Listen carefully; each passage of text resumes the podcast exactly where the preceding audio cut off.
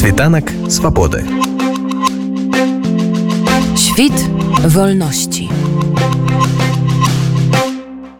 асноўная мэта канешне зараз гэта ўсё ж такі даць нейкія больш-менш дакладныя вызначэнні тых працэсаў якія адбываюцца зараз у сусветным спорце бо тое што мы назіраем і звязана гэта з апошнімі рэкамендацыямі міжнародна алімпійскага камітэту і з рашэннямі асобнай федэрацыі гэта інакш як хаос як бы по-іншаму напэўна і не назавеш. Таму мэта канферэнцыі гэта сабраць меркаванні і непасрэдна як бы атлетаў непасрэдна спартовых экспертаў і спартовых журналістаў прадстаўнікоў як бы спартыўнай супольнасці наконт того что зараз адбываецца і якія магчымыя дакладныя механізмы у рэгулявання вось гэта пытання по допуску беларускіх і расійскіх атлетаў якія вось магчыма механізмы могуць быць. Вось гэта одна таких з таких асноўных мэтаў это ўсё ж такі як бы сабраць усе гэтыя меркаванні Вось і ну паспрабаваць гэта неяк сістэмазаваць будем так А у беларускага фонда спартыўнай салідарнасці ёсць ужо свае канкрэтныя прапановы так натуральна мы як бы ад пачатку войны выступаем за допуск атлетаў магчымы допуск атлетаў толькі пры канкрэтных умовах. То бок ёсць канкрэтныя крытэрыі яны юрыдычна прапрацаваныя і там ёсць некалькі пунктаў адным з асноўных пунктаў гэта падпісанне антываеннай дэкларацыі і публічнае выказванне антываеннай пазіцыі і асуджэння расійскай агрэсіі ва ўкраіне гэта атлеты павінна быць публічна Вось далей канешне гэта адсутнасць усялякіх узаемасувязяў ці дзяржаўнай падтрымкі з боку там расійскай беларускай дзяржавы. Гэта ніякай э, сувязі з э, натуральна падсанкцыйнымі арганізацыямі і гэтак далей. Ну там 10 там 45 таких канкрэтных крытэрыяў.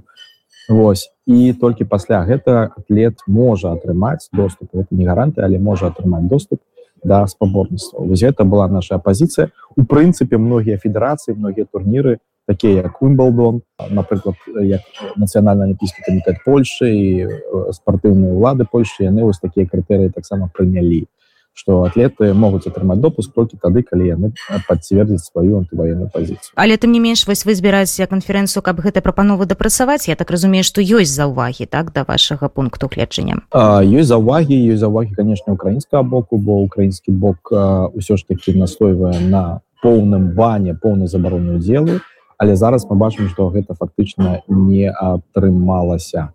То бок міжнародны алімпійскі камітэт на поўную забарону не пойдзе і адзінае што мы можемм зараз зрабіць это ўзмацніць тыя крытэрыі якія ўвёў міжнародны алімпійскі камітэт.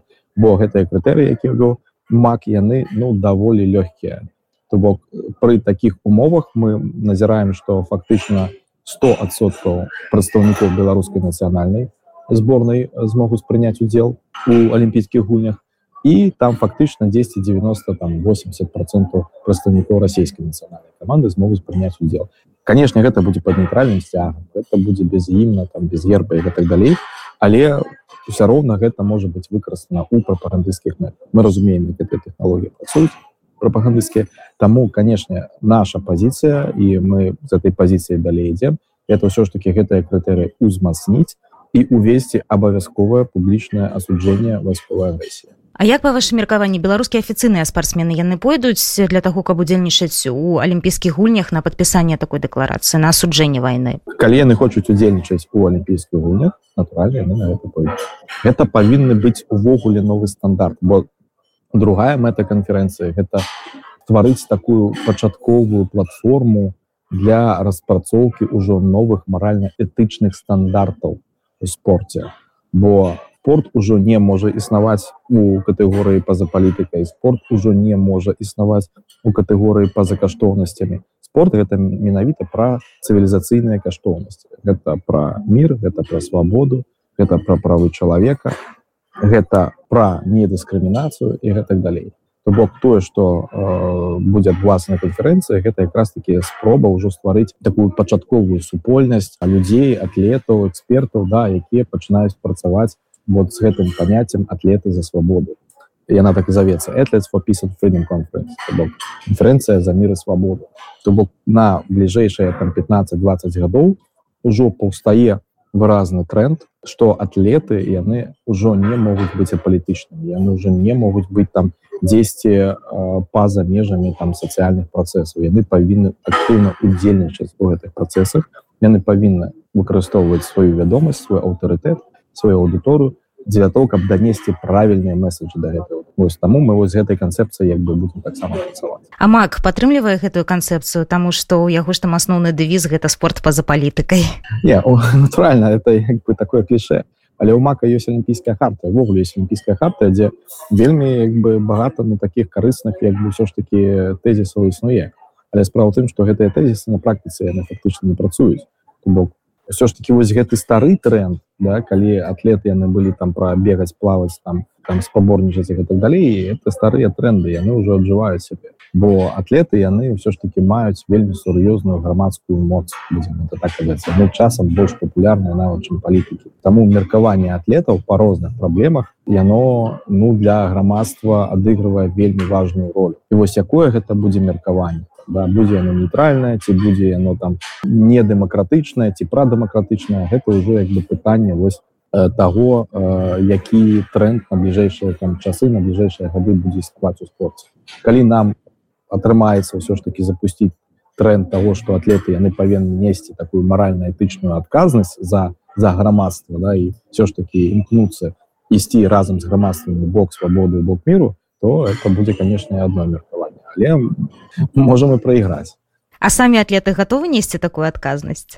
Ну вось мы бачым на канферэнцыі конечно будуць атлеты якія готовы быць і амбасадорамі гэтай ідэі якія ее увасабляюць такія вось як Андрей краўченко такія як Яна Масімова ось такія як ольга саладуха. Гэта ну это славутыя атлеты реально э, з вялікімі тытуламі якія актыўна удзельнічаюць у грамадскіх працэсах якія актыўна выказваюць сваё меркаванне наконт ситуации в беларуси наконт ситуации в украине. Ось тому мы павінны як бы ствараць вось такі як бы вялікі спартыўны рук які актыўна нясе вось транслюе праз сваю вядомасць пра сваю аўдыторыю транслюе ўсё ж таки правільныя каштоўнасці тая сітуацыя якая адбылася ў беларусе з атлетамі яна ж фактычна беспрэцэдэнтна бо такой сітуацыі як бы нідзе ніколі не было ў свеце яна унікальная калі спортсмены яны фактычна сталі як бы таким авангардзе як бы грамадскага пратэсту. Калі яны не адмаўчаліся а, а, выйшлі разам з грамадствам выказалі пратэст разам з грамадствам і фактычна сталі таким як бы лакаматывам. Такой сітуацыі нідзе ў свеце не было. Таму мы павінны ўзець унікальны беларускі досвед а гэта па сутнасці наша унікальная сімвалічная спадчына.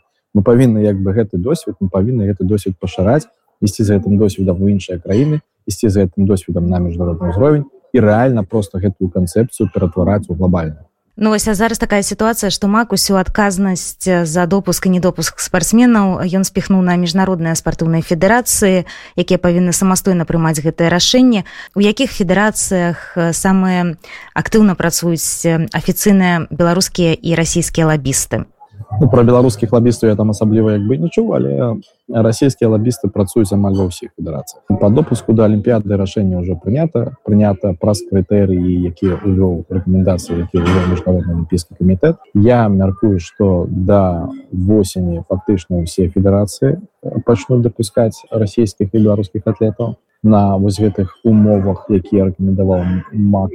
Але гэтыя рэкамендацыі яны даволі слабыя там ёсць асноўны крытэр гэта забаронены удзел тым атлетам якія актыўна падтрымалі вайсковую агрэсію Росіі супраць Украіны але таких атлетаў Беларусі фактычна як бы нуль.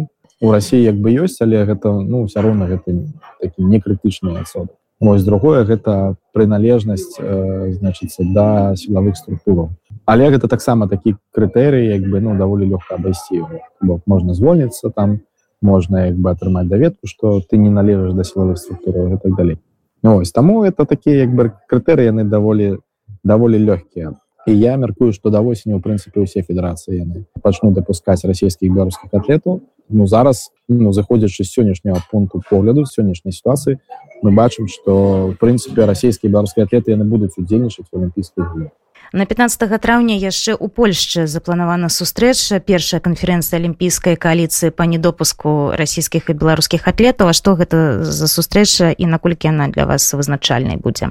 Гэта вельмі цікавая сустрэча. Якраз таки да гэтай сустрэчы мы накіруем нашу дэкларацыю якая будзе апублікавана 14 траўня. Гэта будзе дэкларацыя удзельнікаў канферэнцыі дарэчы якраз таки вось э, вельмі удала так трапляем да в этом плане наши асноўныя як бы тэзісы і пожаданні яны будуць накіраваны арганізатарам у вось гэтай алімпійскай коаліцыі якую збірае Польша. Натуральна у нас будуць выпрацаваны наши тэзісы рэкамендацыі якія будуць далей накіраваны і ў міжнародны алімпійскі камітэт і ў еўрапейскі алімпійскія камітэты і натуральна будзе накіравана і да прадстаўнікоў алімпійскай коаліцыі паглядзім як бы да чаго прыйдуць прадстаўнікі алімпійскай коаліцыі натуральна там есть пазіцыя поўнай забароны ўдзелу Вось, але гэта стварае як бы такую вельмі сур'ёзную канфронтацыю з міжнародным алімпійскім камітэтам. Пакуль цяжка сказаць чым эта сітуацыя скончыцца. Ведаючы настроі будзем так казаць усё ж такі прадстаўнікоў алімпійскага руху настрой пакуль не на карысць бану будзем так казаць. Все ж таки непасрэдна і атлеты і прадстаўнікі нацыянальных алімпійскіх камітэтаў і асноўным еўрапейскіх таксама яны не прытрымліваюцца і байкоту. То бок нават калі расійскія беларускія атлеты. Атрымаюць допуск паўнавартасны адмак я мяркую што ўсё ж такі байкоту такога маштабна не будзе ну можа там одна дзве тры краіны будуць байкатаваць але маштабна байкоту світанак свабоды. Świt wolności.